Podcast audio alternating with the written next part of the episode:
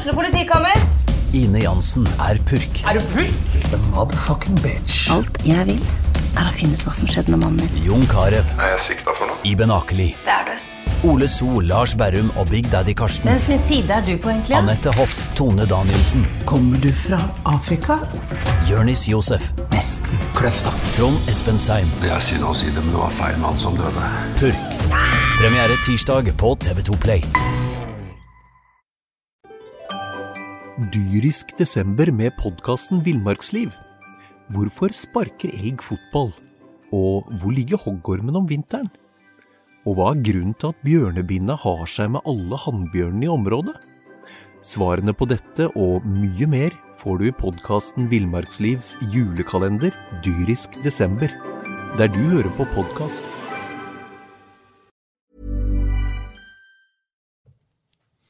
Gledelig jul til um, alle sammen. Det er snart klart for eh, pakkeåpning uh, på selveste julaften. Og uh, i uh, fotballpreikstudioet til BA der sitter tre fjøsnisser og skal snakke om sesongen som har vært i lokalfotballen. Vi er um, veldig glad i det som skjer i lavere divisjoner. Og Mansi Mjelde, du har masa litt om at uh, en sånn her pod, det måtte vi få til før jul. Ja, jeg har jo vært en litt sånn pådriver for eh, Altså, jeg vet, jeg snakker med mye folk rundt forbi, og jeg vet at folk er interessert i det som skjer eh, lokalt. Og mange mener jo at Brann får mye oppmerksomhet, og det gjør det jo. Og det er jo riktig at Brann og de beste skal ha mye oppmerksomhet, men eh, jeg tror at eh, det er plass, og det er på sin plass, at vi nå eh, like før jul eh, dykke litt grann ned i lokalfotballen. Og så gir vi de som er interessert i lokalfotballen, en, liten pakke nå eh, før jul. Ja, dette er altså en eh, liten julespesial fra Fotballprek, eh, en lokalfotballpod. eh, Og vi har selvfølgelig henta inn mannen som kanskje har mest oversikt over det som skjer under divisjonene der Brann spiller. Per Kolstad, velkommen til deg. Takk for det. Vi gang med en ny sesong. Den begynner omtrent med en gang den andre slutter, så vi er i full gang. Ja, du skal uh, bidra litt med din eh, ekspertise. Du følger litt over 1000 kamper i lavere divisjoner hvert eneste år. Ja, i fjor var det vel 1040. Vi har vel vært oppe i 1100 på det meste, så det er jo nesten industrielt. Men vi må prøve å holde det på et litt mindre industrielt plan når vi skal ha det ut i avisen, at det er lesbart. Så det er Ja, og eh, Mons, du har eh, Du føler kanskje ikke 1100 kamper, men eh, du, er, du, er, glad i lokalfotball?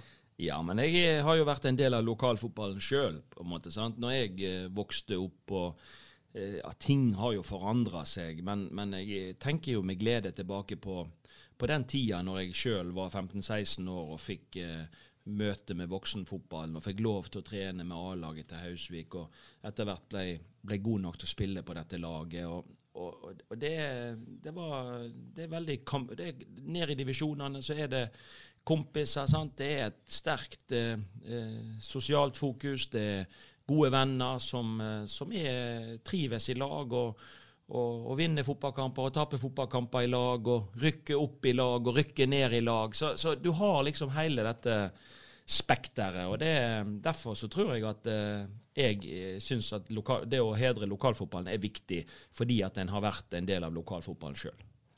Ja, Vi skal rett og slett bare brodere oss ned gjennom divisjonene, eh, gå litt inn på årets sesong, litt inn på neste sesong. Og Per, du har jo også igjen kåra Hordalands beste eh, fotballag. Ja, det skal vel være litt hemmelig frem til julaften til eh, det kommer ut i avisen. Så, eh, men det er, jo, det er jo en tøff oppgave. Det er jo 100 lag, så det at eh, Vi kan ikke Vi må sørge for at det jeg skriver om, at det har noe med virkeligheten å gjøre. For ellers så blir vel huset beleiret av folk fra klubbene som ikke er fornøyd.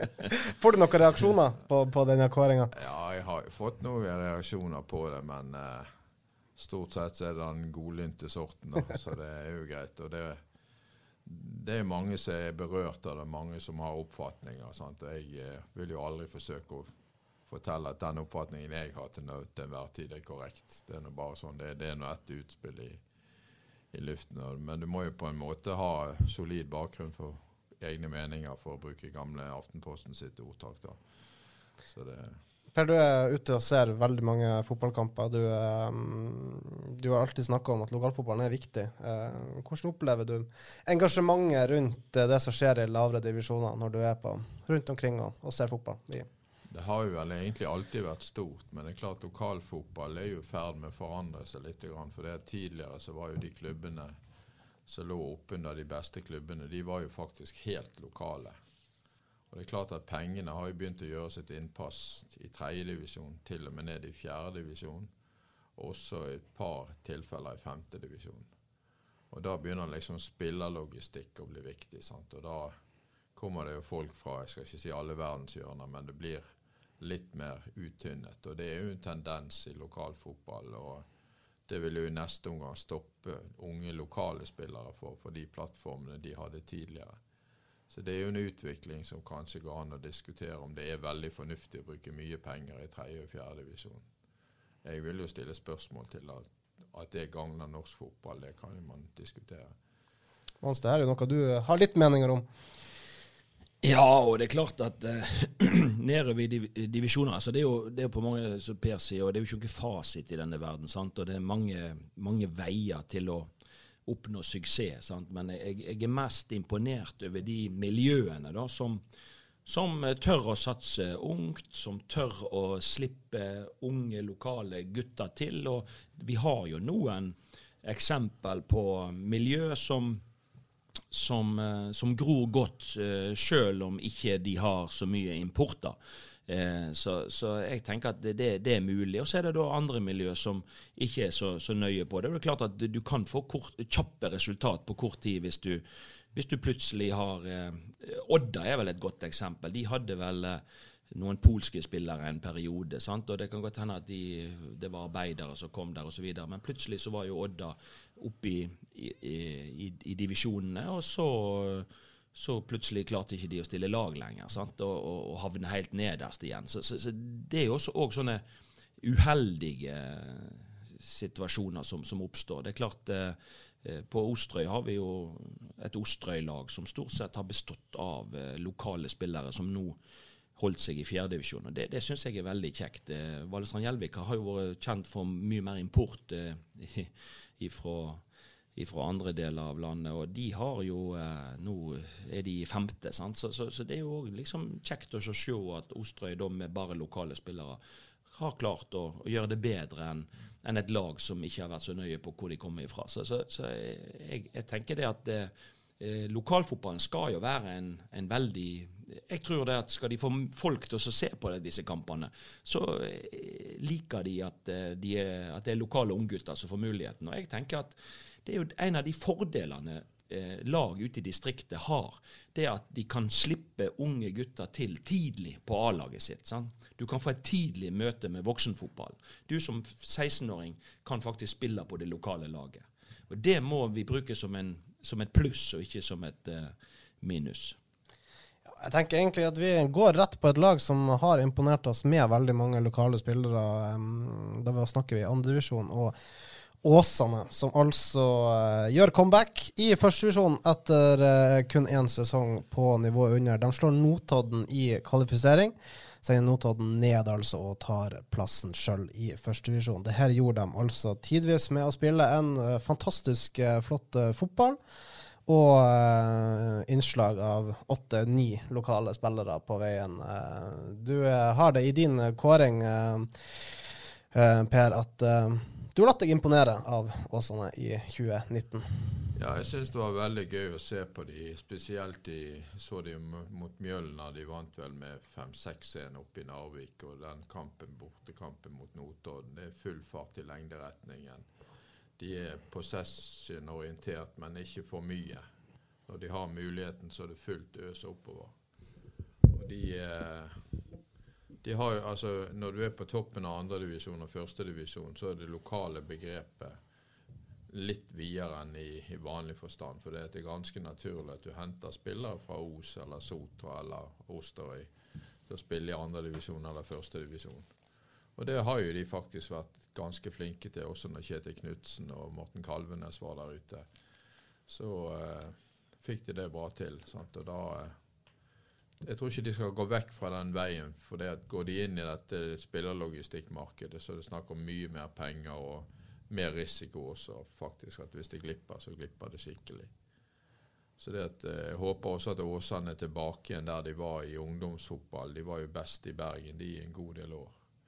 Og Det har vel vært litt tynnere i de siste ti årene, men jeg har jo inntrykk av at er litt, de er litt tilbake der også. Og det tror jeg er den veien de bør gå.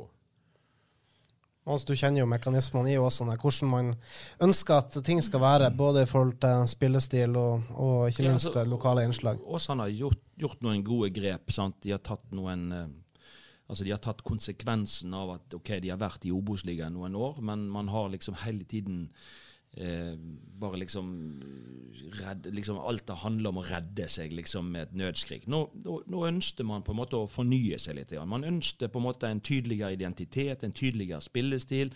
Eh, man skal på en måte rykke opp når man er god nok. Hvis ikke man er god nok til å være i denne divisjonen i Obos-ligaen med den måten vi gjør det på, så får det heller være. Og det er en sunn tankegang. For Åsane har nok vært styrt litt for mye av, av enkeltpersoner. Og, og jeg tenker at det, er, det blir mye mer kraftfullt hvis en hel organisasjon, en hel klubb, kan være enige om veien. At man alle sammen er oppe i samme båt med kurs mot felles mål. Og, og det er imponerende at, eh, at Åsane de fikk ikke den letteste reisen for å komme tilbake i Obos-ligaen. De eh, ble nummer to i avdelingen. De måtte ut i to kvalikkamper mot Kvikk Halden. Det besto de med glans. De måtte på to tøffe kamper mot Notodden. Det besto de med glans. Og Litt av grunnen til at de klarte dette, det er, tror jeg er fordi at altså de, de siste kampene mot Notodden så stiller de tross alt med ni spillere som har eh, sikkert over 100 Obos-ligakamper i beltet. Og Det tror jeg er helt avgjørende. De har det lokale gutter, men de har erfaringen. Og så har de krydra det med, med noen unggutter. Og, og Kolskogen og, og Blomberg er to spillere som, som er et godt eksempel på at det gror bra i hordalandsfotballen. Man henter spillere fra fjerdedivisjon, man bringer de opp til andredivisjon, og de består det med glans. Og Så tror jeg det er viktig nå at man ikke liksom eh, forserer dette for, for, for kjapt. For dette kan være noe spennende for Brann å henge seg på alle. Men disse guttene de er avhengig av tillit. De er avhengig av å spille regelmessig 90 minutter kamper for å utvikle seg videre. Med en gang sånne unge spillere blir satt på benken, så begynner karrieren deres å gå feil vei. Derfor så er det utrolig viktig nå, tenker jeg, at eh, nå kan vi få et, eh, et, svar på om de har tatt et steg til, og, og da kan være Obos-ligaspillere i, i, 2020. Og, og, det vil være en, det, den perfekte eh, det perfekte for de på dette tidspunkt, i forhold til eventuelt å se om de har tippeligastoff i seg på sikt. Eliteserien, heter det. Eliteserien, ja. Vi kan, ta, vi kan bare ta litt på f.eks. Blomberg, som nevner. Altså, Kolskogen har vært snakka mye om. Og Det sies også nå at Brann er interessert i å hente han fra, fra Åsane, at han skal utvikle seg videre på, på, på Kniksens plass. Men uh, vi kan ha Blomberg, da. En spiller som uh, sommeren 2018 var med, var med å vinne Dana Cup. Ble til turneringens beste spiller. Uh, spilte fjerdedivisjon uh, i 2018. Uh, så blir han henta til Åsane i andredivisjon. Går inn, blir assistkonge, leverer. Blir kalt inn til landslaget, og nå sies det at klubber som Start og, og Bodø-Glimt er og, og kikker på han. Det har vært en suksesshistorie. Ja, det er ikke uventet heller. For vi bor jo tross alt 500 000 mennesker i dette fylket. Og det av og til har blitt fremstilt som at det er ingen fotballtalenter. og Det er jo helt meningsløst. Vi vet jo det at når disse ungdommene kommer inn i flytsonen, de får muligheter, så er det nesten, nesten, nesten ingenting som stopper. Sant? Men det, det som stopper dem, er som Mons Siver sier her, at Sitter du på benken og du får ikke sjansen, du får ikke nok spilletid, så, det, så går karrieren fort nedover igjen. Og jeg må jo si det sånn at Start og Bodø-Glimt er vel antagelig bedre klubber enn vår lokale store kjempe. For det at de, de har jo bare vist seg at de bruker ikke unge spillere. Så det at de, hvis jeg skulle rådgitt de, så var det å ikke gå der. Han har uh, gått anskaffelse av agent, Blomberg. Er det posisjonering nå for å komme seg til noe større? Jo, men altså, jeg tenker, jeg tenker det at uh, dette her er jo en fantastisk historie. Og det viser bare det at uh, Jobber på fabrikk ja. på Kokstad. jo, jo, men det, det, er ikke noe det er ikke noe bakdel, det. altså Unge gutter som er interessert i å gå den tøffe veien. Men det som er litt av grunnen til at eh, disse spillerne eh, har noe på et høyere nivå å gjøre, det er jo det at de, de har tempo i kroppen. Sant? Det er kvikkhet. og Det ser du at de beste lagene i Norge, tenker Bodø, Glimt, Molde, disse som kom høyest opp på, på tabellen i år. Hva er det som kjennetegner det? Det er, det er jo kvikk fotball. Det er jo kvikk ballbehandling. Og, og disse spillerne har noe av det samme. Og jeg tenker det at det vil være galskap å gå til Brann nå. Eh, da må heller Brann skrive kontrakt med dem og leie de ut igjen. Det, det er altså så mange eksempel de siste årene på sp gode spillere, talentfulle spillere, men utviklingen stopper, for de får ikke slipp til. Og og det, det må vi bare si, det er, en, det er en trend i norsk fotball nå.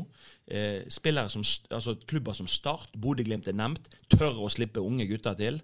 Og vi ser hvor de vokser med, med tilliten. Viking er en annen klubb som har pøst på med unge, lokale gutter. og har liksom, Så, så det, er en, det er en endring. og Åsane har tok jo den endringa før årets sesong. altså Vi vi vil ikke ha så mye av de utenlandsimportene. Vi skal ikke være så opptatt av å rekruttere langt vekk ifra. Vi skal være gode nå først og fremst i nærmiljøet vårt.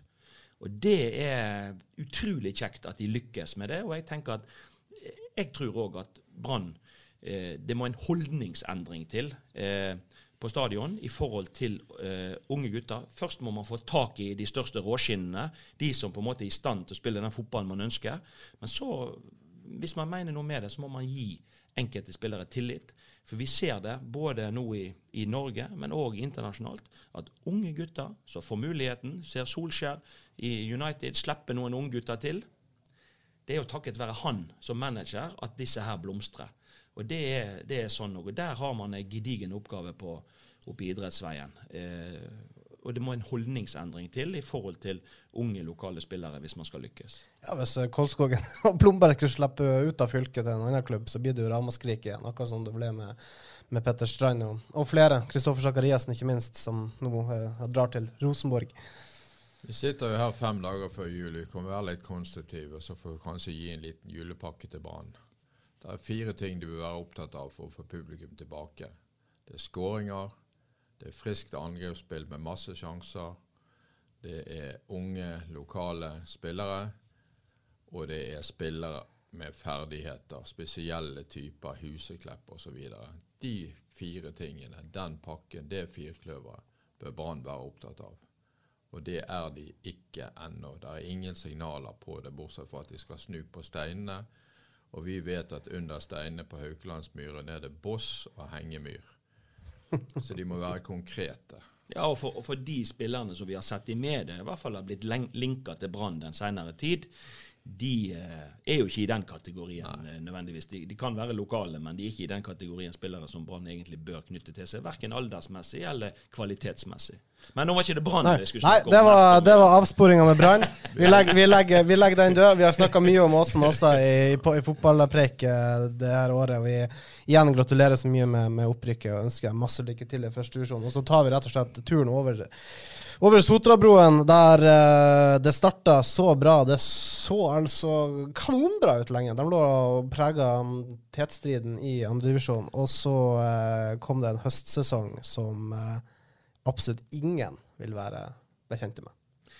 Nei, Vi så jo Sotra mange ganger i, i- fjor. og, og på, på vårsesongen så var det nesten så jeg fikk en sånn følelse av at Steike meg, altså. Her har Tommy Knarvik og gjengen fått til noe som er utrolig spennende. De presterte nesten litt over evne, syns jeg. Men så fikk de denne berømte døra midt i fleisen. Og det Sotra presterte utover høsten, det var tynt, altså. Og det var spesielt etter at vi fikk lese om disse indre stridighetene, og at Tommy ikke fikk ny kontrakt i Sotra osv., så, videre, så så laget energiløst ut. Det så planløst ut. Så det laget som hadde prestert over evne kanskje i vårsesongen, de presterte jo langt under i, eh, i høst. da. Eh, ja, de er nyopprykka, de, de holder seg i divisjonen, men, eh, men vi ser jo det at det, er ikke så mange poeng, det ble ikke så mange poeng til slutt. Eh, ifra at de hadde rota seg ned i noe. Så, så det er veldig skuffende. Og det, det blir jo veldig spennende da å se. Nå har de skifta trener.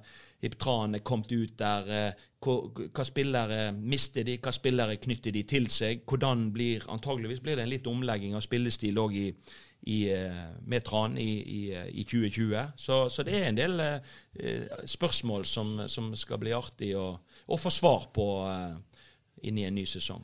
Ja, altså det, det, som sagt, det, det så lenge ut som det her skulle eh, de klare. De, de, de, var til og med med å kjempe om opprykk, og at man skulle liksom cruise inn til en ny kontrakt. Men uh, den dårlige høsten gjør jo at man, man, sitter, man er faktisk ikke på trygg grunn nesten for, for helt på slutten. Det er jo en klassiker, egentlig, dette med store klubber, sånn som Åsane, Fana, Fyllingsdal, Sotra. At de har en stor spennvidde, og de har masse forskjellige oppfatninger en egen organisasjon. Og prøve å takle dette her. Det det er så enkle ting som møteplasser.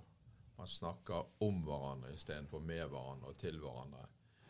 Og eh, det er kanskje ikke helt tilfeldig hvis vi ser på de klubbene som har hatt litt suksess under Brann. Nest, Løvham, Lysekloster. De har omtrent ingen andre konsepter enn A-laget. Mens disse store breddeklubbene, de har alt.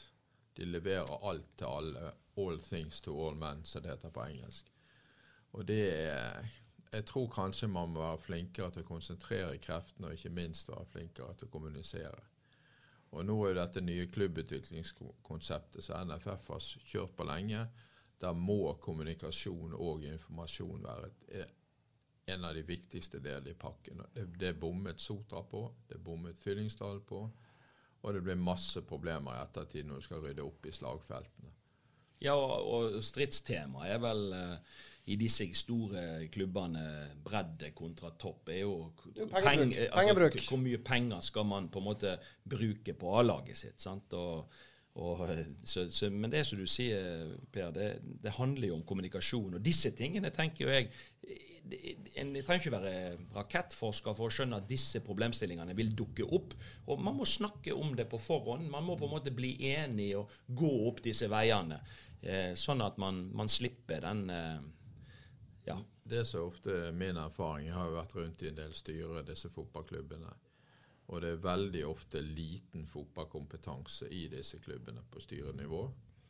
Og vi som har vært i nærheten av toppfotball, vi vet jo at det må trenes mye, eh, også i yngre alder. Og to-tre ganger i uken som det er breddefotball. Det blir ikke fotballspiller ut av det. Det er bare ganske enkelt. Såpass brutale må vi være. Og det er store deler av de, den breddesiden i klubbene som ikke forstår det. Og dermed så eh, Den eneste måten å få en forståelse i en organisasjon, er jo faktisk at man kommuniserer om det. Men altså, nå, er, nå, er, nå er Tommy ute. Som du sier, trant kom inn. Vi har avdelingsoppsettet foran oss her. eh. Eh, Det blir ikke Fredrikstad. Den, de har den andre avdelinga. Heller ikke Tromsdalen, som altså kom ned fra, fra førstedivisjon, og som tradisjon tro er som regel alltid dominerende på nivå tre. De har fått Nardo, Levanger, Rosenborg 2, Bærum, Asker.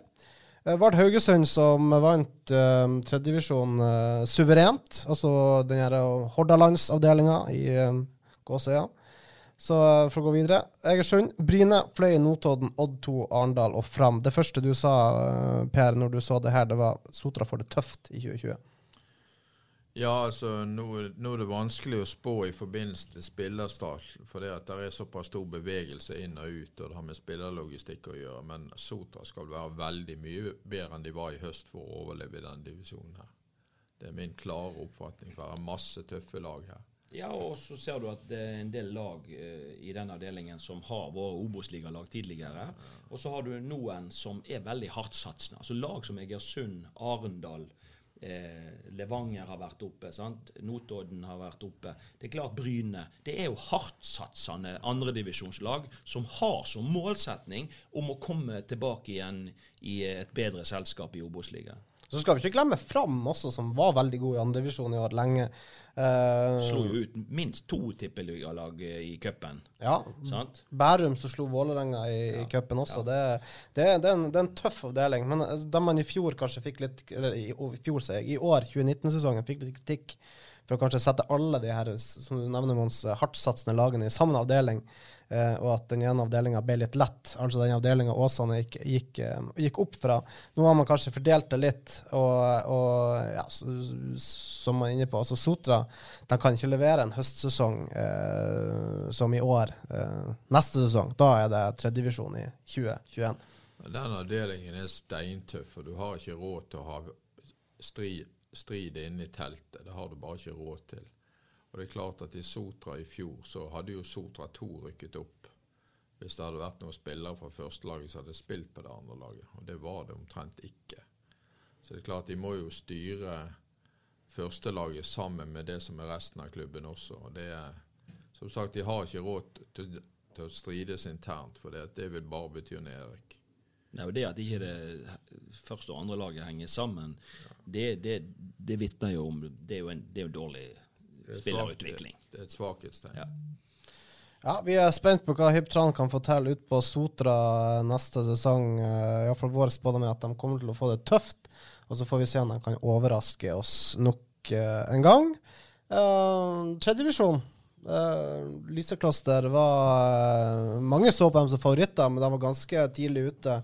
Uh, Ruben Hetlik og co. sa at nei, vi er ikke favoritter, det er Vard Haugesund. Og det fikk de ganske rett i. Vard Haugesund soleklar vinner da, av tredjevisjon avdeling fire. Går opp med god margin. Lysekloster blir nummer to. er det lov å håpe på at Lysekloster skal klare det neste sesong? Ja, Nå må vi kanskje rette inn speilet litt annerledes enn tidligere. Det er altså elleve lag fra fylket vårt i tredjedivisjon, avdeling 04. Fylket vårt fra 1.1 heter jo Vestland, utrolig ja. nok. Um, ja, de er jo på papiret er de favoritter. I fjor var det nok litt mer bågete med Vard der, for de var også like store favoritter på forhånd. Men det er klart Lysekloster er jo en klubb med ganske høy omsetning. Spillere inn og spillere ut. og jeg, jeg, har jo litt tro på kontinuitet i fotball. Det er en faktor faktisk som mange undervurderer. At folk faktisk har spilt fotball sammen i litt tid, det gjør jo ofte at lagene blir bedre. Så det er jo utfordringen til Lysekloster i år å få, få disse spillerne mer samspilt når sesongen begynner enn de var i 2019. Jeg ser vel egentlig ikke så veldig mange andre klare favoritter til å rykke opp fra tredjedivisjon. Den nærmeste er faktisk Fana. Fana som imponerte oss i, i 2019. Ja, ja, De har en uh, spillerstall og en del offensive spillere som er bra. Jeg tror de må ordne opp litt bak i, i Forsvaret for å være bedre enn de var i år der. Men det er klart du har Hommervoll, du har Høynes, du har Mollestad, du har Stakset. Og det er jo folk som på dette nivået kan skåre en god del mål og ja, fortsette med det neste år. Eller i 2020. Så Fana Jeg ser i grunnen ikke disse Oslo-lagene som en utfordring på toppen. Det gjør jeg ikke. Ja, det ville Lyseklasse sjøl ha sagt. De utpekte vel med en gang eller umiddelbart Fana som det som de regner med kan bli den store konkurrenten om, om opprykket. Men det som er litt spennende å se, det er jo på slutten av sesongen i fjor så lot jo Lysekloster noen av disse utenlandske spillerne gå. Og så spilte man med mer lokale, eller mer eh, hva skal jeg si, norske spillere. da. Og, og resultatene ble ikke noe dårligere.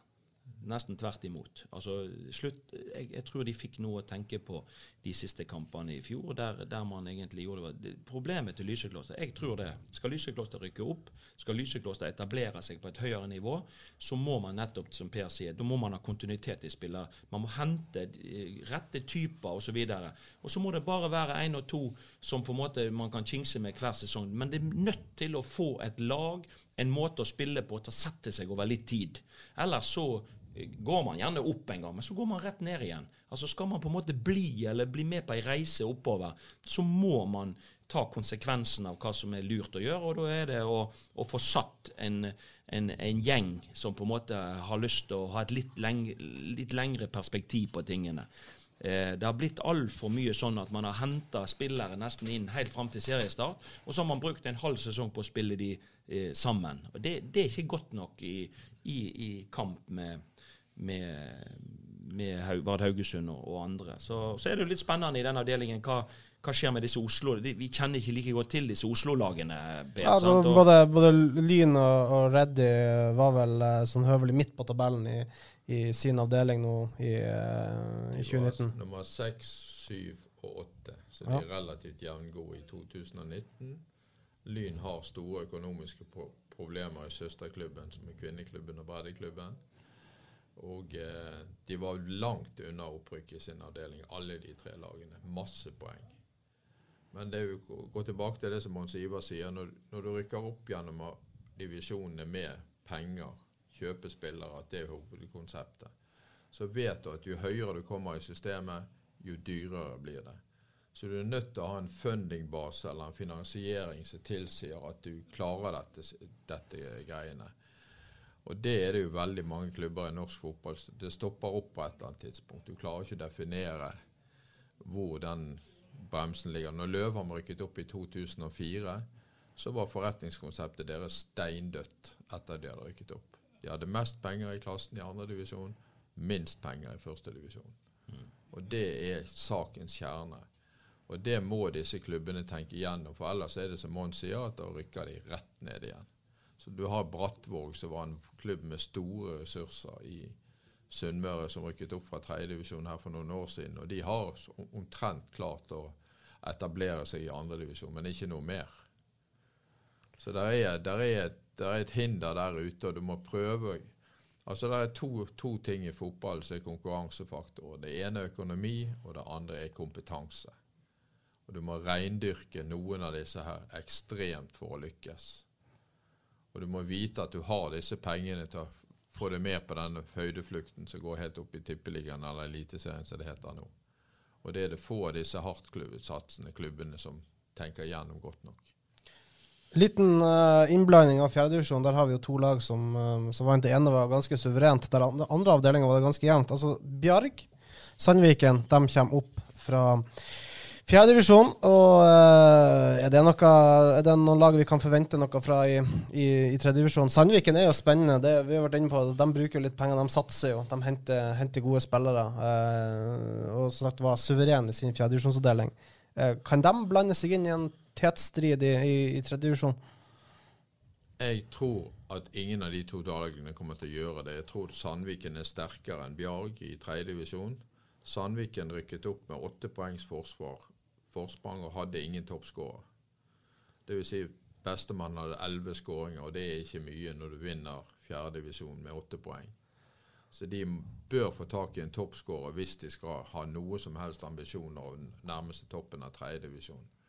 Jeg tror utmerket godt de kan havne på midten av tabellen et eller annet sted. Det tror jeg. Men Bjarg tror jeg kommer til å slite i bunnen. Og de må, utfordringen deres er å takle disse reisene. Sandviken har nok mye mer kompetanse i klubben når det gjelder reisevirksomhet enn det Bjarg har. De skal reise tre ganger til Sogndalen eller til Sogn, og tre ganger til Oslo. De turene må de klare å turnere. Ja, og, og, og- så skal de jo liksom?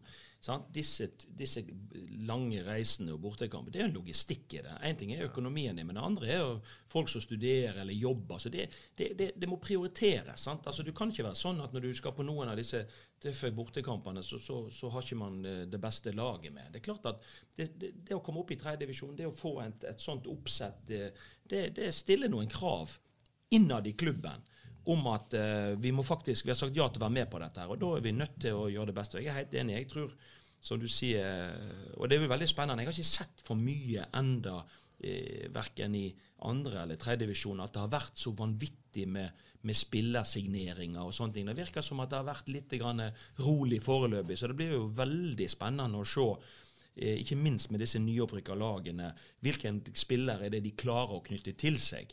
Sant? For å, som, som Per sier, for å skåre de nødvendige målene. Og det er jo, det er jo i begge ender i disse divisjonene dette avgjøres. Sant? Altså, har man solid keeper, har man solide forsvarsspillere, har man den spilleren som på en måte kan skåre de ekstra målene så det blir nok poeng. Sant? Det, det, det, det, ned i disse divisjonene så er det ofte de små tingene det, det avgjøres på. Det enkle ikke har nevnt. Det er Fyllingsdalen. Der har det vært bråk i hele høst eh, med et årsmøte der hele styret trakk seg. Nå har fått på plass et styre, men laget står altså uten trener. Det er usikkert hvor mye penger som skal brukes. Det er usikkert eh, hvem som skal spille der. Det, er et stort eh, spørsmålstegn. Hva tenker du om Fyllingsdalen i, i tredjedivisjon neste sesong, Per? Av og til i ettertid så kan man jo være stolt av det man har skrevet i fortiden. Jeg tror det var i 2011 så skrev jeg en artikkel i BA om fusjonen Løvhamn-Fyllingen, og der sto det overskriften 'Big is not beautiful'. Og Fyllingsdalen har jo kommet inn i dette her scenarioet her med folk som snakker til og om hverandre, om hverandre som snakker om hverandre istedenfor til og med hverandre. De har ikke hatt møteplasser. Og, og når, når det dukker opp reell uenighet om fordelingen av midler, så har de rett og slett ikke styringsorganer som kan takle det fornuftig. Og så blir det årsmøter, og så blir det rabalder, og så blir det bråk, og så er det slagfeltet som ligger igjen der med ofre. Og eh, Fyllingsdalen skal faktisk være litt forsiktig. De har fem spillere under kontrakt etter det vi hører. Og jeg, med mindre de bruker mye penger, og det ligger jo ikke i kortene i forhold til det som har skjedd, så jeg tror de skal faktisk være litt fornøyd med at de holder seg på midten av tabellen og klarer seg rimelig greit. Og snakke om andredivisjon med, med det opplegget der, det, det har jeg ingen tro på. Hip- Hiptran har jo tatt med seg spillere fra andre klubber tidligere, fra Vareg til Fyllingsdalen osv. Tror du at han tar med seg ytterligere spillere eh, som, som er innarbeid i hans måte å spille fotball på i Fyllingsdalen, til Sotra? Ja, Du har disse fem som jeg har hørt om som er Altså, han Stormyr har jo gått til Lysekloster. Royas har gått til Lysekloster. Stormyr er jo en av de som var de, en av de interessante spillerne Fyllingen hadde, eller Fyllingsdal hadde. En, morsom spiller, men som Ja. sliter slett mye med, med skade. Ja, da, men han er, han er der nå med. Uh, jeg vet ikke om det er så veldig mange spillere i Fyllingsdal som er interessant i andredivisjon. Erik Huseklepp har kontrakt, Ivar Mykkeltvedt har kontrakt, etter det jeg hører da. Hvem er det flere som Altså, det er fem stykker som har det. Keeperen Eikum har det. Og eh, du har jo han Kampenes, jeg vet ikke om han er under kontrakt. Han skårer jo mål. da. Kanskje han er en mann som Sandviken burde ha linket seg til. Men altså, der er jo ingenting gratis ute i denne verden. og det at, Å snakke om at vi, vi er fyllingen når vi var i førstedivisjon i 1991 og 90 og 93, det har ingen verdi lenger. det husker ikke den nye generasjonen. Nei, det har ingen verdi lenger. Og, det, og den klubben der har egentlig hatt svak fotballkompetanse i ganske mange år.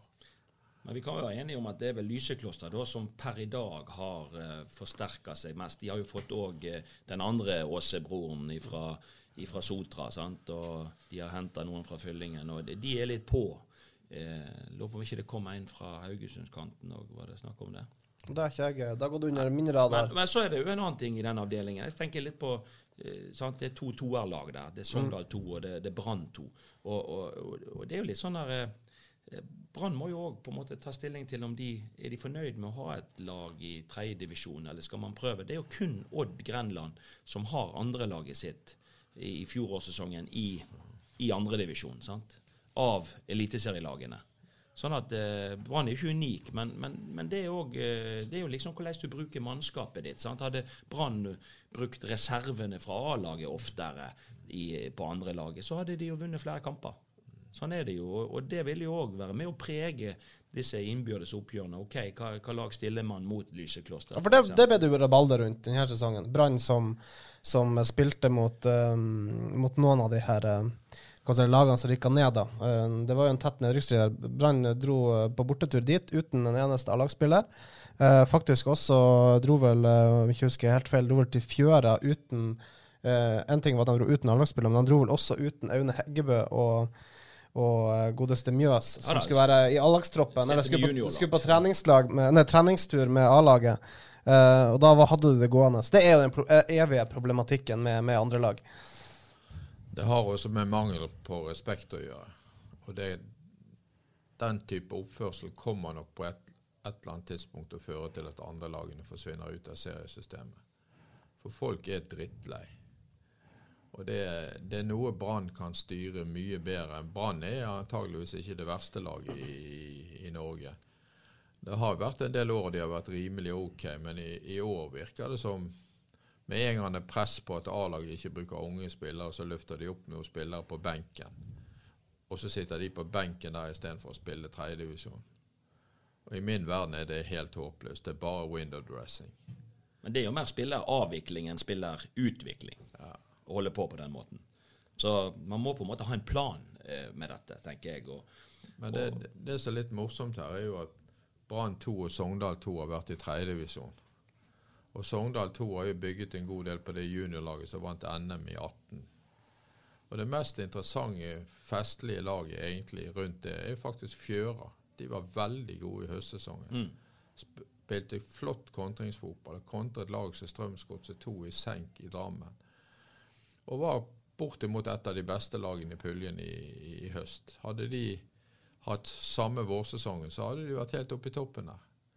Så de har klart de faktisk i skyggen av Sogndal 2 å være på en måte slags Sogndal 3.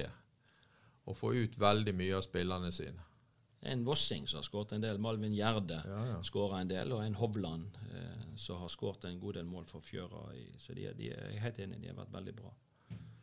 Men jeg tenker jo litt sånn tilbake til eh, altså Jeg skjønner at tiden har forandra seg, men når vi snakker om A-lag, eh, andre lag Jeg husker når jeg kom til Brann første gang, og det begynner å bli en stund siden. Det var i 89. Og da var det jo sånn at man spilte veldig ofte toer, Nå er det jo toerkampen dagen etter A-kampen. Da spilte vi som regel toerkampen dagen før. Altså om lørdagen. Så hadde A-laget kamp om søndagen. Og da blei og det, var, og det kjente jeg på, husker jeg. Altså det, det, var, det var sånn at noen som spilte dagen før, kanskje bare en omgang, skulle være med på benken. Men de siste plassene Teito Tordarsson hadde det alltid sånn. De siste plassene på A-lagsbenken om søndagen, det var de som presterte best i toerkampen om lørdagen. Sånn at Da hadde du noe å spille for. Du spilte igjen en omgang, du spilte igjen en time om lørdagen, og kvalifiserte deg til å være med på benken med A-laget om, eh, om søndagen. Og, eh, ja, tiden har forandra seg, men, men eh, for en ung, sulten gutt så var det en enorm motivasjon som lå i nettopp dette.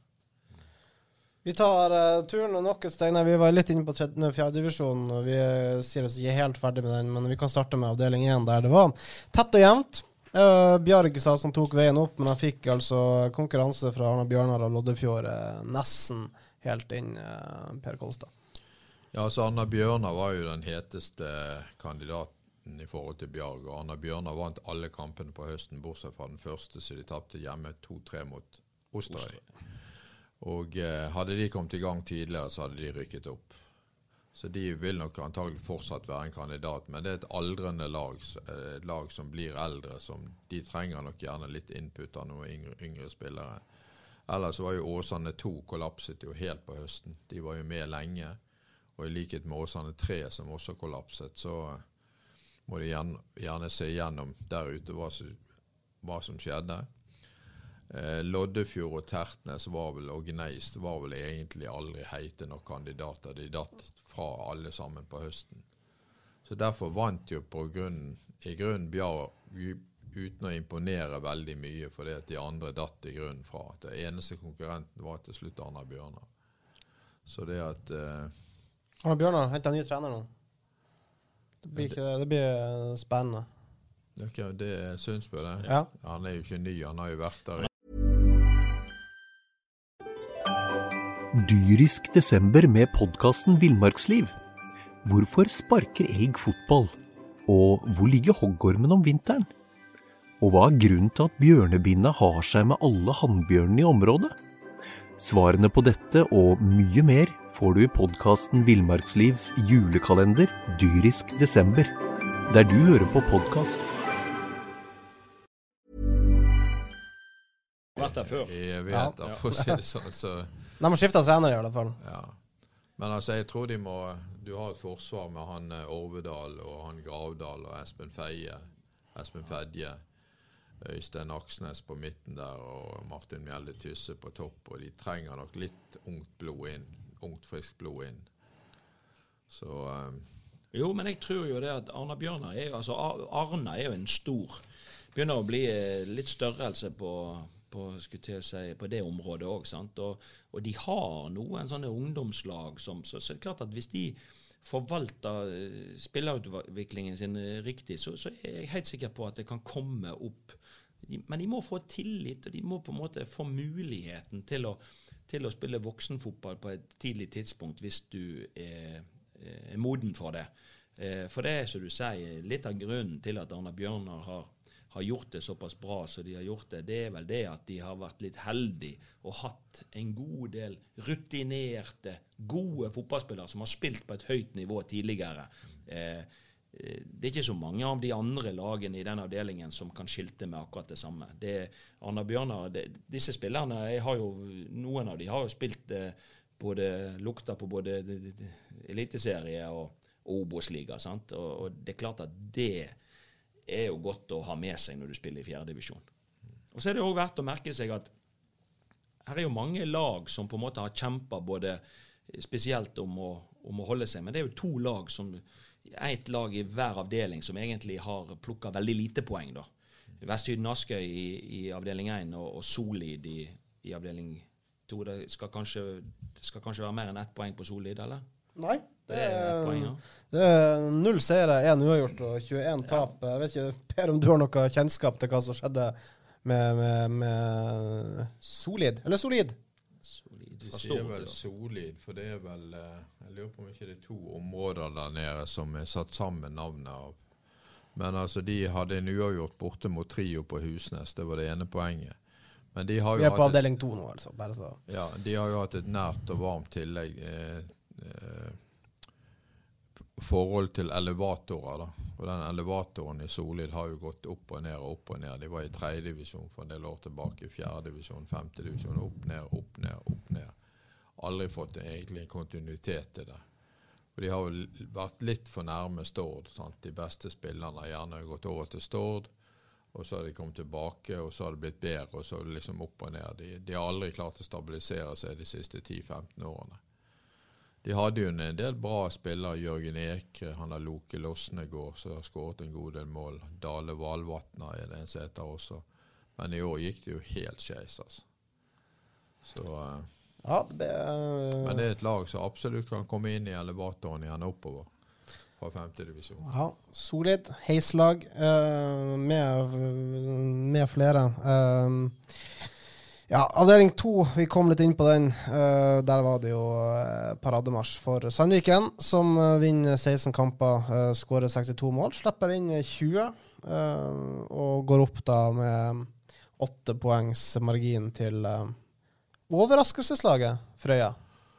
Ja, jeg vil kanskje først bare Ingen av lagene i fjerdedivisjon skåret mer enn tre mål i snitt. Det er faktisk ganske interessant å se at den gjerrige fotball faktisk går nedover i lokalfotball også. Det er ikke tilfeldig at det skårer så lite mål. Eh, Sandviken var, ble jo etter hvert klart overlegen, men Frøya hadde jo en del gode angrepsspillere. Han Runar Skorgen, Anders Berge og Johan Fredrik Kvalheim. Så de skåret jo en god del mål oppe på denne Frøyabanen, så det, det, er ikke særlig gøy å være bortelag der oppe. Så de eh, På Melkeplassen, det? Nei, nei. Det er litt trangt og litt eh, Ikke veldig kjekt, for å si det sånn, å være bortelag. Men altså, de er nok veldig fornøyd med den plasseringen. Jeg er ikke sikker på at de hadde syntes det var like gøy å komme opp i tredjedivisjon. Så det at, eh, Men på høsten så Lyngbø har jo vært klart seg greit også. På høsten så fikk jo endelig så lærte jo Varg å skåre seg mål igjen. De hadde jo fem kamper på våren der de ikke skåret mål. Jeg mener de hadde 18 mål etter vår, vårsesongen, og de, plutselig så begynte de å skåre masse mål på høsten. Så de eh, kanskje i en bedre fase enn de var. Ja, De hadde vel han der spissen, han eh, Hva kan han hete? Det har med det umulige navnet NTG Kone. Ja. Og så har du Kaddu og Aton. Begge de to kommer jo fra Florø. Ja. Men eh, det var jo som Frank Hellevik sa, at han hadde hatt masse sjanser, han kone, da, så han burde ha skåret egentlig enda mer. Men altså, plutselig begynte de å skåre på høsten. Det er akkurat som det bare Ketsjupflasken bare sa pang. Og så rant det rant der inn med skåringer. Så det at uh, Jeg syns det er imponerende å se Sandviken. De er jo i særklasse når det gjelder innslupne mål. Altså, de, de, både- de, de både skårer mest Ja. og, og slipper altså inn under ett mål i snitt. Det er en god oppskrift for å rykke opp det. Ja, men altså på, på 22 kamper og bare slippe inn 20 mål, så er det klart da, da, Det tyder på at de har fått satt forsvarsspillet sitt på en, på en god måte. Og det, det som Per sier, det, det skåres litt mindre mål. Men det er klart at det- er jo et godt angrepsspill begynner med et godt forsvarsspill. Du må på en måte vite hvordan du skal organisere deg når ikke du har ballen. Og, og, og det å slippe inn lite mål, det er nok nummer én i forhold til hvis du vil klatre i divisjonssystemet.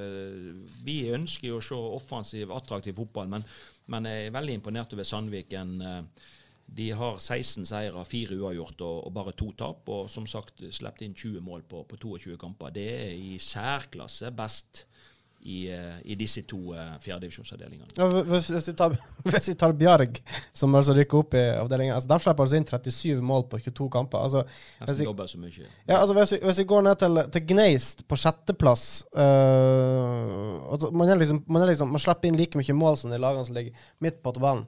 Hvordan har øh, Bjarg klart å gå opp øh, gjennom å kun tape to kamper? Nei, de har jo fått inn han spissen Kristoffer Hafsås, da, som har spilt i Førde og i Os. og er god på dette nivået. sant? Han har nok vært en av de viktigste bidragsyterne, sammen med han Arvid Austevoll på topp der. De har vært garantistene for skåringene. Så det at, eh, men de er nok litt mer lekk bak, og jeg vil jo tro at det er en høyere kval gjennomsnittskvalitet i Sandviken-laget enn i, enn i Bjarg-laget, og det sørger for at det blir færre skåringer. Men jeg er jo, jeg er jo litt opptatt, oppgitt og opptatt av at det spilles mer defensiv fotball nedover i divisjonene. For det er ikke akkurat utviklet fotball. Det er resultater det skal spilles på. Jo, men det har vel Brann opplevd at det er vel ikke bare det som teller. Eh, det er en spiller jeg har lyst til at vi skal snakke litt om i fjerdedivisjon, og det er um, mannen som skårer en tredjedel av målene til Loddefjord. Loddefjord som altså er det mestskårende laget i hele fjerde- i sammen med Sandviken. Eh, Anders Zakariassen, 21 mål. Lillebror til Kristoffer, som ikke skal spille for Brann, han skal til Rosenborg. Eh, Anders Zakariassen, si det sjøl. har gjerne lyst til å gå i fotsporene til storebror. Er det en mann vi kan se i høyere divisjoner? Jeg vet ikke, jeg, jeg hadde 22 mål på han sammen med Martin Mjelde Tysse. De der statistikkene til Norges Fotballforbund er ikke alltid like nøyaktige, så jeg tror han har 22 skåringer. Men han er en bra spiller. Og eh, Loddefjord var jo egentlig et manns, mannskap som kunne ha tatt kampen opp med Bjarg. Da har han Jørgen Gaustad og han Sakariassen. Det er et potent par i fjerdedivisjon. De skåret mye mål. Han Jørgen Gaustad er jo en sånn flankespiller som er rask og kommer seg, kommer seg løs. Og, så han Sakariassen er jo absolutt noe som klubber i system, over i systemet burde sett på. Men jeg er ikke, jeg er ikke sikker. vært Jeg hadde jo håpet at, eh, at broren hadde spilt i Brann, bare for Ja. å si det sånn. Men, men eh, jeg, jeg har likt litt av de uttalelsene han har. Han har på en måte uttalt at han, han har ambisjoner om å spille høyere oppe. Men, men det er klart at når du spiller i fjerdedivisjon, eh, sant, så, så er det én ting å på en måte skåre mye mål. Og så er det noen spillere, når de blir presentert for et høyere nivå, så gjør de det faktisk der òg. Og det er litt av saken at hvis Vi kan jo ta, vi kan jo ta Alexander Dang, som Ja. skåra i lavere divisjoner og gikk opp og opp og opp, og fortsetter å pøse inn mål, Ja. også i første divisjon. Men poenget mitt er at en type som Anders Sekariassen han kan ikke være for lenge i Loddefjord hvis han har ambisjoner om å spille på høyere nivå. Men det, det sies jo nå at han er en av de mest attraktive spillerne i, i uh, lokalfotballen. Det er mange klubber som vil ha han. Ja, det er jo ikke overraskende, det. Men uh, det er jo som Hans Ivar sier, han må, han må finne en klubb som han kan utvikle seg videre i. Loddefjord er antagelig bare én sesong til, maks. Så må han videre. Ja. Og dette er jo en spiller altså Sånne type spillere eh, må jo være interessant for eh, eh, type Sotra, type Åsane, eventuelt type Lysekloster, som har ambisjoner om å komme opp i det. Det er jo sånne unge, sultne gutter med de rette holdningene og innstillingen. Det er jo de, og, og ferdigheter, de, så, som har definitivt ferdigheter på et eller annet nivå. Det er jo disse du må være flink å se. Og så må du presentere dem for et nytt nivå, gi dem tillit. og tar de ikke, altså Da har de iallfall fått prøvd, og de har fått muligheten. Hvis ikke de tar det da, så er det jo greit. Men det er nok eh, dessverre sånn at det er en god del spillere som kunne spilt på et høyere nivå, som ikke får den muligheten eh, av ulike årsaker.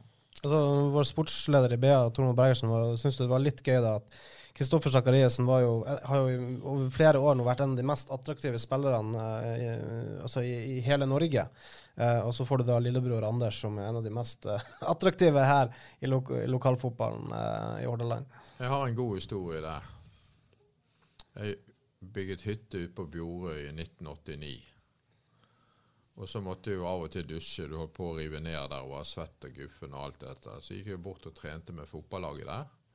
Så jeg ble faktisk spille to sesonger i femtedivisjon, 89 og 90. Og 1990 så var jeg 38 år. Og der var det en kar som antagelig få har hørt om i Bergen, som het Ove Bjorøy. Han spilte på Skjetten i førstedivisjon. Han spilte på Bjorøy de to sesongene, rett før sommeren og rett etter sommeren. For dette gikk på NTH i, i Trondheim, som det het den gangen. Og han var dritgod. Og jeg eh, nevnte han for Espen Steffensen, som var sammen med Mons Ivar i Brann tidligere. Har du hørt om Ove Bjorøy? Aldri. Han var kjempegod. Vi vant jo 8-3 ute på Nordre Fjell. Vi hadde tapt for dem på våren, på hjemmebane og vant 8-3 der ute. Jeg tror han var med på syv av skåringene. De folka fins der. Man må bare finne de og hente de og få de opp. Og det har ikke våre systemer i toppfotball eller i breddefotball vært gode nok til. Men de fins der. Du bør ikke lure på det engang. Ja, Mons, du kom jo selv fra ganske langt ned i divisjonene.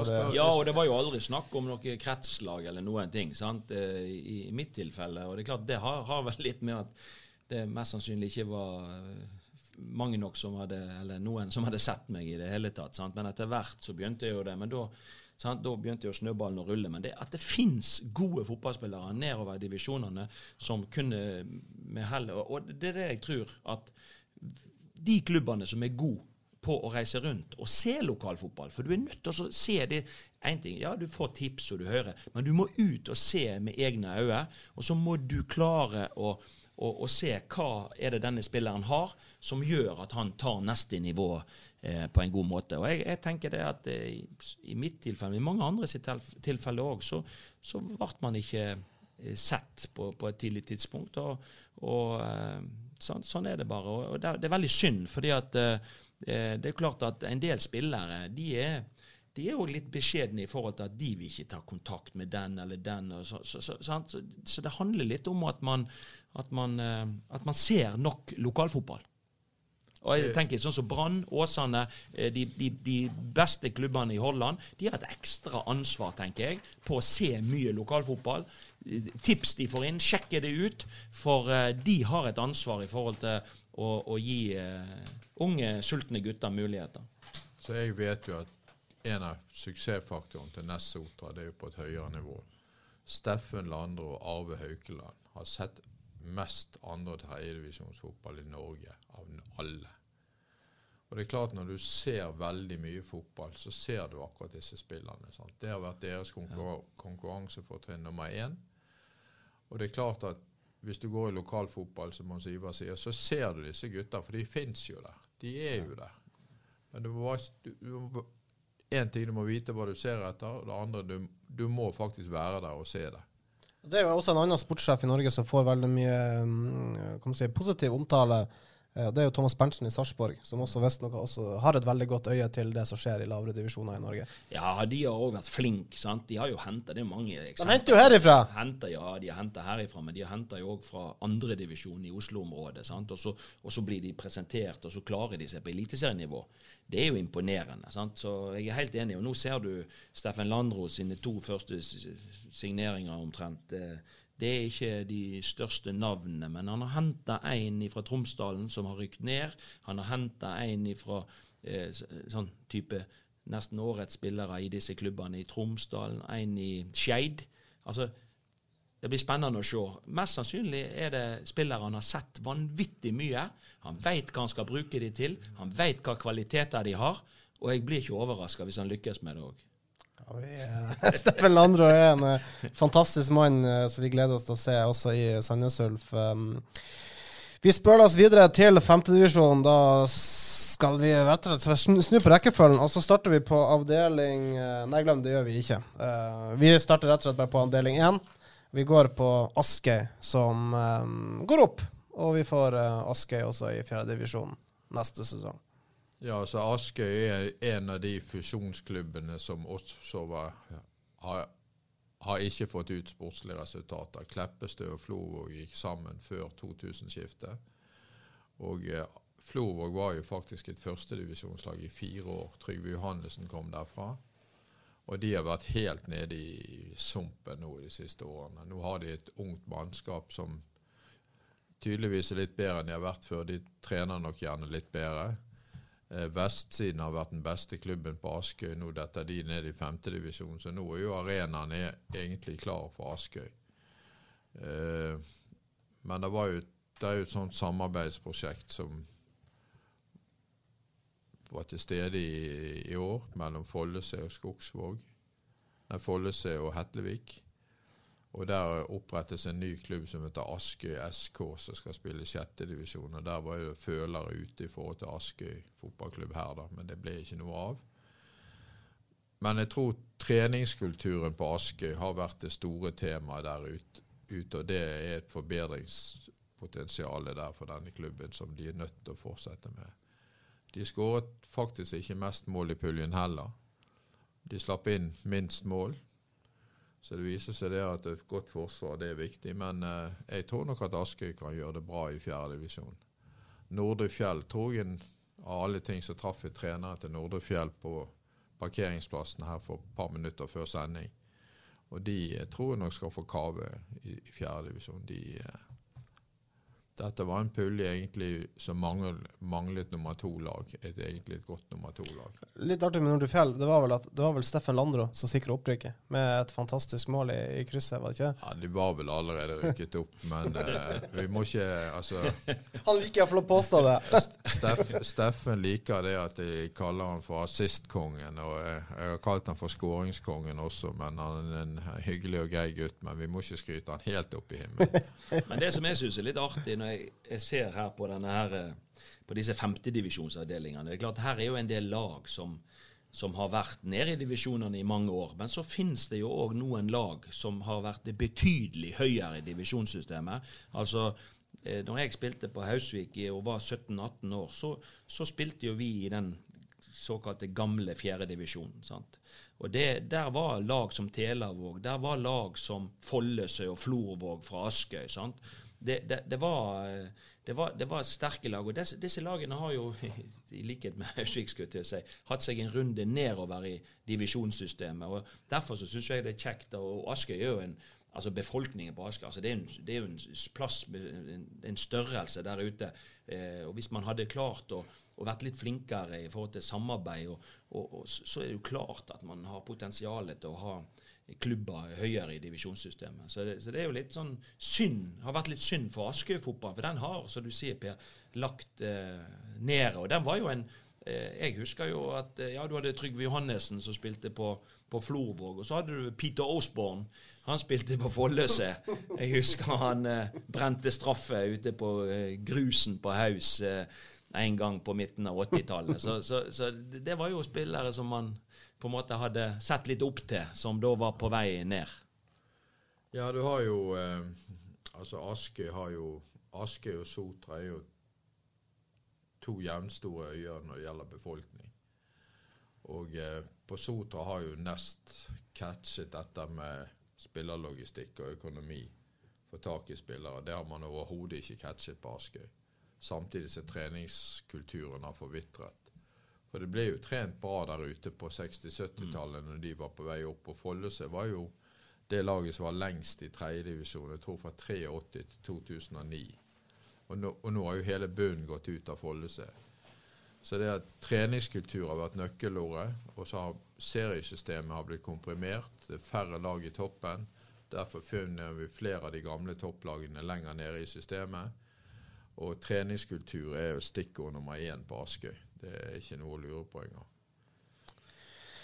Vi uh, lurer litt på hva som skjedde med Skogsvåg. Altså null seire, null uavgjort. 22 tap på 22 kamper. 21 110 i målforskjell, null poeng. Hva skjedde der, Per? Nei, jeg er jo tallmann, så det er jo ganske lett å lese ut av uh, tabellen. De tapte 22 fotballkamper og 21-110 i målforskjell. Uh, de var nok ikke rustet for det. De rykket jo opp i, i, som skogs, Skogsvåg skråstrek Sund 2.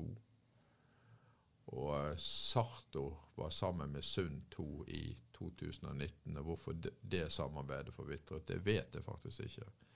Men de hadde rett og slett ikke mannskap til å holde seg. og Det var en kar som het Anders Engelsen. Jeg tror han skåret 89 av de 21 målene. Så resten av laget har jo ikke vært veldig målfarlige.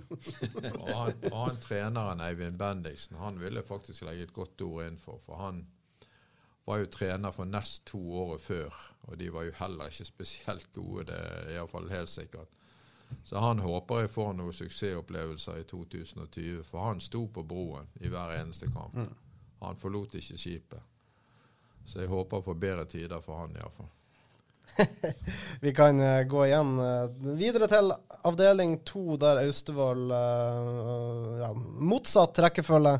De rykker opp gjennom å vinne samtlige 22 kamper. 117-29 i, i målforskjell.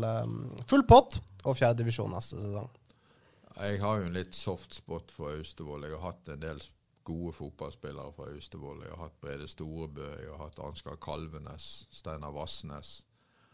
Brede Storebø er vel den beste lokalspilleren som ikke har spilt i Eliteserien i Hordaland de siste 20 årene. Eh, de har hatt en god del veldig gode enkeltspillere der ute. og var, De var jo andredivisjon rundt 2010 eller 2011. Og de kom for seint i gang det året. Hadde de vært bedre på, bedre på våren, så hadde de overlevd. Men der, altså i fjor, når de rykket ned fra fjerdedivisjon, så virket alt som det var trøtt og lei og tungt. Trond Fredrik Ludvigsen fikk jo fikk inn litt mer go i laget, og det er mer enn gode nok spillere til å holde, holde seg i fjerdedivisjon. Ikke noe problem. Men er det for litt for heimkjær i Austevoll, eller sånn? For det, det, har jo, som du sier, noen av disse spillerne som du, med Brede Storebø i spissen, altså det har jo vært gode spillere som definitivt hadde kunnet spilt på et høyere nivå. Er det litt sånn mer sånn heimkjærhet som gjør at uh, man ikke har tatt steget og prøvd seg andre steder? Du vet, Økonomisk i Norge så har du ingen grunn til å flytte fra Austevoll. For det er antagelig den høyeste gjennomsnittsinntekten i Norge. Og, uh, men altså de, de, spilte jo veldig mye fotball der før, for det, det var vel gjerne ikke så veldig mange alternativer. Nå er jeg jo litt redd for at denne her å si, ja, kulturen med sosiale medier og alt dette her At de ikke klarer det på samme måte. men Samtidig så var det en praktiske problemer. sånn at Du skulle reise fra Austevoll i 13-14-15 års alder med båten inn der. og Jeg stiller jo spørsmål om det er den beste veien å gå. Han, han eh, Haldor Stenevik har jo gjort det i forhold til ja. Fyllingsdal og dette her. så... Ja da, jeg ser det. Og jeg husker jo når vi spilte mot Austevoll før i tiden, så var vi jo, det var jo liksom viktig å møte dem på rett tid på året. for det at de hadde et knallgodt lag hvis fiskerne var hjemme. Men hvis de var på, de var på sjøen, så hadde vi sjanse å ta dem. Så det var litt, litt, det var litt uh, sånn vi snakket når vi, når vi snakket om møtene med Austevoll. Du kan ta mannen, iallfall bare som skårer. Altså 41 eh, mål i femtedivisjon for Austevoll. Eh, Tord Harald skårer. Ja, det er femtedivisjon, men igjen 41 mål. Det er imponerende. Det har en god historie. Han hadde samme mentor når han begynte å spille seniorfotball som Mons Ivar. Øyvind Pedersen. Ja. Og han, eh, Tord Harald Skaar kom inn på venstrebekken, og det var verken han eller faren særlig fornøyd med. Men han har spilt mye fotball, han og så Frode Storebø. Det var den duoen som kom inn samtidig. Frode var vel inne i Os i år, og han har vært mye plaget med skader. Så nå har han vært skadefri, Tord Harald. Han har hatt noen år hvor han ikke har vært helt frisk i beina sine. Ja, Det sa han vel også når han fikk ja, prisen som årets spiller, at han har endelig hatt et skadefritt år. Men altså, han har spilt sammen med gode spillere der ute. Inge Rabben, Kurt Hovland, Brede Storebø, Trond Heggestad. Så, så, det at uh, Ja. Men altså, han fikk en Fikk tidlig spille på et høyere nivå. De vant jo tredjedivisjon det siste året Øyvind var ute i Austevoll. Og de rykket opp året etterpå når de vant kvalikkampen, så de vant tredjedivisjon to år på rad. Så han fikk tidlig komme inn i, på et bra nivå. Og Derfor tror jeg at Austevoll kan gjøre det veldig godt i fjerdedivisjon neste år, hvis de klarer å holde dette teamet samlet og klarer å holde kreftene på plass. Og Vi må jo skryte litt av eh, Øyvind Pedersen. Han var jo den som tok oss i Hausvik òg opp eh, et par, eh, par divisjoner. Så, så, det er klart han har på en måte hatt suksess med en god del lokale lag i, i Hordalandsfotballen. Så det er absolutt så har han hatt noe, noe positivt i sitt trenervirke. Ja, så Han er jo en annen han også, Jeg har to sånne kandidater. De er ikke så veldig flinke til å markedsføre seg selv, og det er vel svakheten deres. Så det har jo ingenting med fotball å gjøre. Men en annen er jo han eh, Hvis du ser i eh, Telavåg som har skåret 80 mål i tredje, femtedivisjon, og det er 0-1. Der er jo Carl Fredrik Sande trener. Han har jo mm. hatt nest i andredivisjon. Han var vel nominert til årets trener på Ja, han er flink når det gjelder organisering av offensivt spill. Lagene hans skårer ofte mye lag, mål, og lagene hans rykker ofte opp. Ofte opp. Og det vil jo tro av ferdigheter som folk etterspurte. Ja. Ja. Men det er gjerne de med de flinke markedsføringstrynene som kommer seg opp. Og det har jo litt med mangel på kompetanse, disse styrene som tilsetter de. Ja. Men du har helt rett. Øyvind er flink og eh, har vel fått egentlig litt for lite kred i forhold til ferdighetene sine, akkurat som Carl Fredrik. Før vi legger andrevisjonen, avdeling 02 helt død, altså Mathopen går altså opp sammen med Austevoll. Vi må gå litt på lag nummer fire. Altså Lag nummer fire, Søfteland, de lå og kjempa om opprykk, og så begynner det en masse tull der man ikke stiller opp til kamper osv. Og, så og, så og nå har de vel trukket laget? Altså Søfteland er jo en, eh, et eklatant bevis på styrer som ikke vet, hva det går i. Altså Når du spiller fotballkamper, så ligger, ligger det i fotballens ånd at du skal prøve å vinne fotballkamper. Selv om du spiller et bedriftslag mot Barcelona, så, så må du iallfall ikke ta det vekk. Og rett før slutt så har jeg, i fall jeg fått høre at de fikk beskjed om at styret ville helst at de ikke skulle rykke opp til fjerdedivisjon. Med andre ord det at de skulle ikke legge seg i selen for å vinne fotballkamper. det, For meg er det helt håpløst. Og Som en reaksjon på det, så valgte du spillerne å ikke stille opp mot Austevoll på hjemmebane. Så de tapte den kampen. Tordal Skåre kunne skåra enda flere mål enn de 41 han stoppa på. Ja.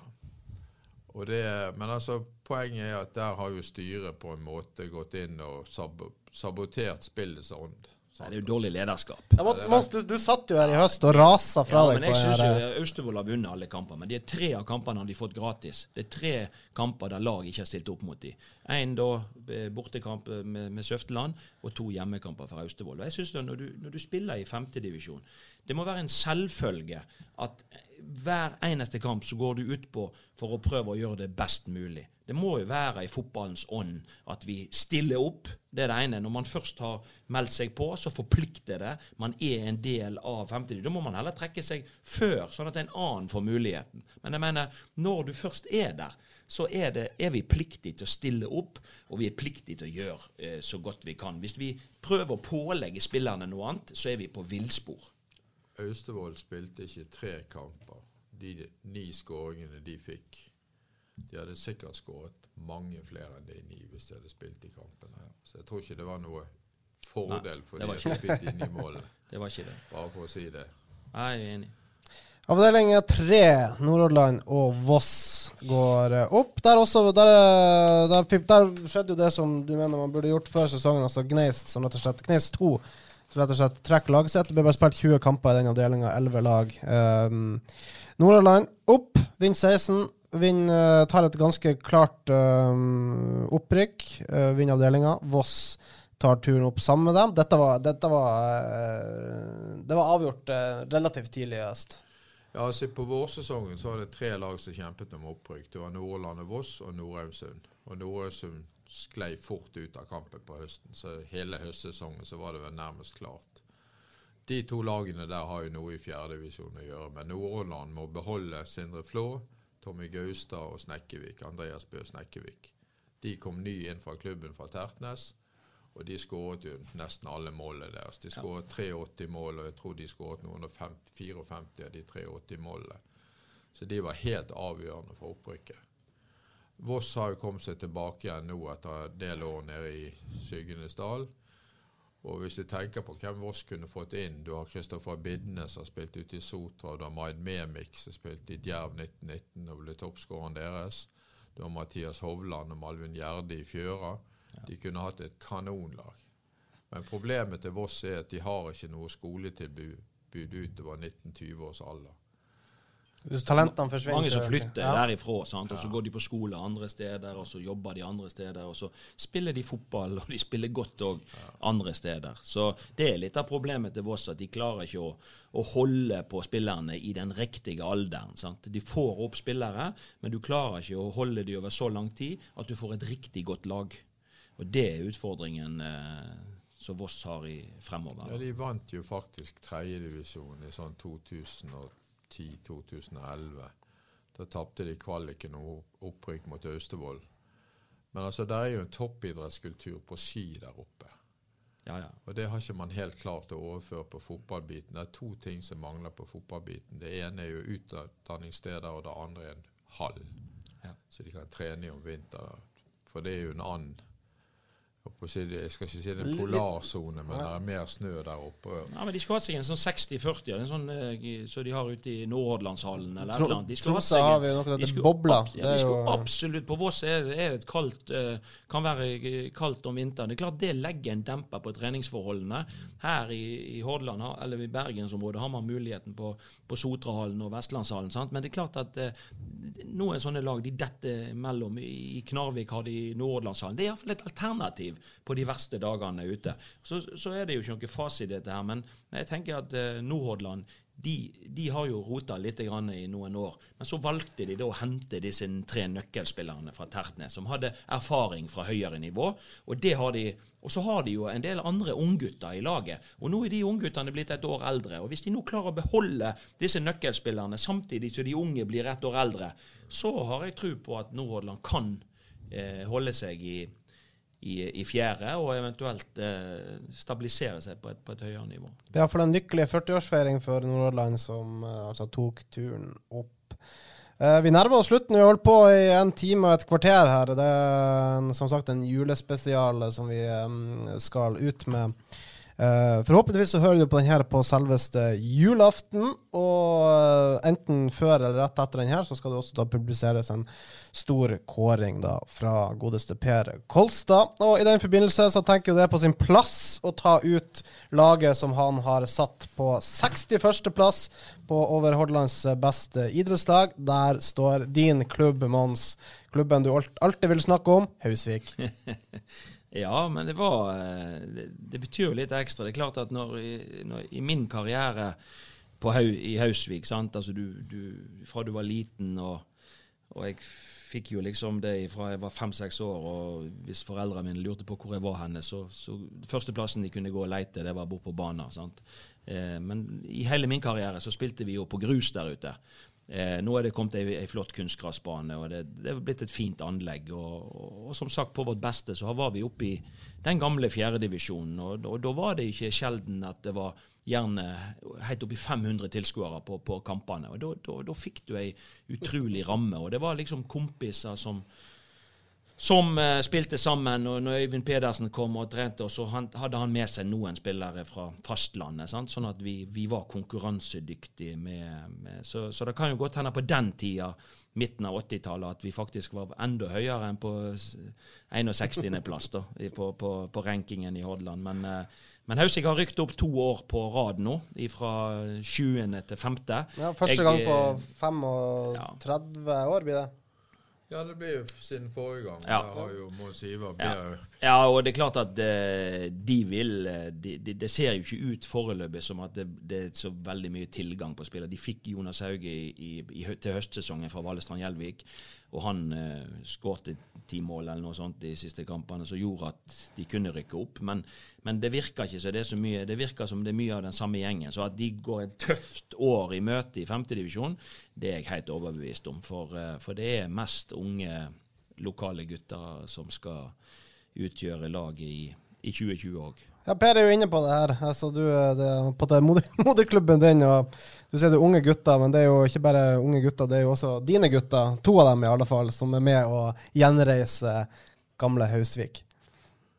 Ja, jeg har hatt to av guttene med i, i, i år, og det, de har hatt det veldig kjekt. og og det er jo klart at eh, Jeg var jo med på dette sjøl, å rykke opp to år på, på to år med Hausvik i, i min tid. og og, og, det gjør noe med en sånn kompisgjeng som på en måte rykker opp i lag. Det er utrolig mye glede forbundet med det. altså. Syns du ville se noe, Per? Ja, nei, det er jo eh, Altså, for å si det sånn Ute på Osterøy jeg snakket Jeg hadde en god venn av meg som spilte i Valestrand når de var i tredjedivisjon. Og det er vel for så vidt det hjertesukket vi hiver videre til Hausvik og Osterøy og Valestrand. At han sa det Jeg må innrømme når vi rykket opp i tredjedivisjon, så trente vi ikke mer. Og Valestrand kom rett i retur. Men Valestrand slo faktisk Stord 4-1 på hjemmebane den sesongen. Så det var jo kompetanse i laget, men det ble ikke trent nok. Og det er vel, altså Osterøy har vel også lidd under det samme som Askøy har holdt på med. Det har liksom ikke vært nok fyr i teltet.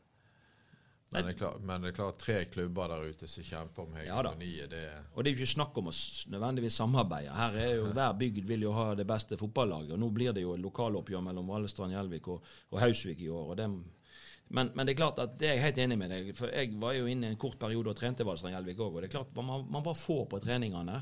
Og det er klart at hvis du over tid ikke trener nok Og det var jo litt av det når, når vi med Hausvik var oppe i midten av 80-tallet Altså da, var vi oppe på, på sånn type eh, vi hadde en, en, en, gjerne fem fellestreninger i sant?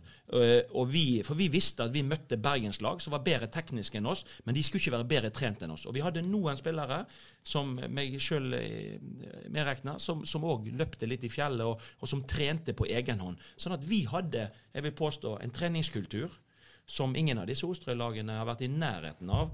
I, i, eh, vi hadde det på 80-tallet. De har ikke vært i nærheten av det nå. Og jeg tror det. De lagene som klarer å knekke den koden med å få trent nok. For det at unge, sultne gutter de restituerer seg fort. De tåler ekstremt med trening. Eh, men det blir trent for lite. Og da får du får akkurat som om du leste eksamen, du får jo litt i forhold til hvor mye innsats du har lagt ned. Så jeg tenker at i disse fjerde, spesielt i fjerde- og femtedivisjon, de lagene som har ei gruppe som virkelig bestemmer seg for å legge ned nok trening, de tror jeg kan overraske positivt. Det er jo én ting jeg vil si, si, om breddefotball. Det trenes to-tre ganger i uken tre, i breddefotball fra de unge. Og eh, vi trente nok mer i, i vår tid. Vi spilte mer fotball. Og det som skjer i dag, er at når de er 16-17 år, så, er det nesten tomt, alle ute av klubbene. Og hvis vi ser litt tilbake i tid Jeg går en del på Byfjellet her, og du finner varekontingenter og fjellkameratene oppi der. Det er folk som har spilt sammen for 30, 40, 50, 60 år siden. Ingvald Huseklepp, Atle Simonsen, Atle Eliassen, Kjell Steffensen, Sigmund Teinås og Fjellgjengen med Gunnar Kårstad og Steiro-brødrene de er fortsatt sammen, for det, det samholdet har de hatt mer eller mindre hele livet. Og Det holder på å gå ut litt av breddefotball, for det at man er ikke så veldig ofte med der. For det er bare et par ganger i uken. Og så er det veldig mye turneringer rundt omkring. Og så når de er 16-17, så er det slutt. Hvis klubben har tatt vare på mange av disse folka, ikke bare som spillere, men som ledere og mm. trenere og sånt i eldre alder, så har det vært en enorm positiv effekt. Men det er ikke vi flinke nok på i fotball. Jeg sammenligner breddefotball med en flyplass. Det er alltid fullt der, men det er aldri de samme folka. Dagen etterpå så er det fullt, men det er ikke de samme. Så det er noe som breddefotball må legge seg på minnet, at det er fornuftig å beholde folk utover disse 16-17 årene. For den livstidskulturen som Vareg og fjell, så vi ser Vareg og Fjellkameratene hver eneste mandag, den er ikke disse lagene lenger i breddefotballen. Nei, det er jeg enig i, og det er utrolig altså Vi er jo helt avhengig av uh, at folk eh, den, den dugnadsånden og, og, frivilligheten. og Før så snakket vi gjerne om en garderobekultur. Nå kommer man gjerne til trening, og så går man hjem igjen. Altså, det handler litt om å skape møteplasser i, rundt om i, i, i lokalklubbene og i breddeklubbene, sånn at eh, det kan gro gode miljø der ute. Og at folk eh, blir tatt vare på, sånn at eh, de syns det er trivelig å være der òg når endt karriere er. At, at, men da kan man ha andre oppgaver. Jeg tror at det har vært så det, at det, det har vært veldig bra i noen klubber, og så er det en del klubber som har mista litt av dette. Og, og ønsket jo på en måte at, eh, at spillere som har uh, vært viktige rundt om i klubbene, at de kanskje kan gå inn i andre roller, og sånn at klubbene kan drive god spillerutvikling, og at uh, og at de gode miljøene kan videreføres. Vi lar det være siste ordet om lokalfotball. Vi har holdt på i 1 time og 22 minutter, og mens vi har sittet her og spilt inn, så har jeg fått på øret terminlista til Eliteserien har kommet. Brann starter borte mot Rosenborg. Det er en tøff oppgave. For hardt pressa, Lars Arne Nilsen. Du husker hva jeg sa i forrige podkast. Serieoppsettet blir viktigere enn noen gang nå når man har det presset på seg i forhold til å prestere fra første stund. Og det er klart Et revansjesugent Rosenborg-lag på Lerkendal i første seriekamp tidlig på året ikke, man kan kanskje ikke tenke seg en, en tøffere start på, Men på for en revansje for Lars Arne Nilsen om han skulle vinne den kampen. Ja, det er klart. Det ligger alltid muligheter. Men uh, man har vel tapt mer enn man har vunnet på Lerkendal opp gjennom årene. For å si det sånn, jeg tror ikke jubelbrølet var veldig høyt oppe på stadion da den kom. da. Det, men altså, det er, det, det er klart det får jo en omvendt effekt hvis ja da hvis de vinner der oppe. Men uh, det skal jo da gjøres, da. Og så får vi jo en godbit veldig tidlig på sesongen, da. Ja. Uh, vi lar det være det. Vi har uh, tråla oss gjennom årets lokalfotballsesong. Og som sagt, det har tatt én time og i snakkende stund 24 minutter.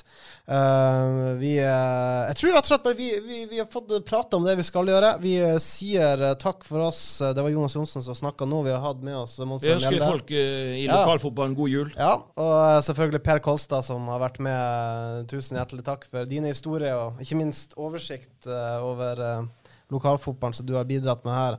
Jeg får ønske alle en riktig god jul, og jeg kommer nok tilbake og begynner å plage dere i midten av mars med første, første kvalifiserende runde i NM. Det er bra. Jeg avslutter jeg også med å ønske alle sammen en riktig god jul.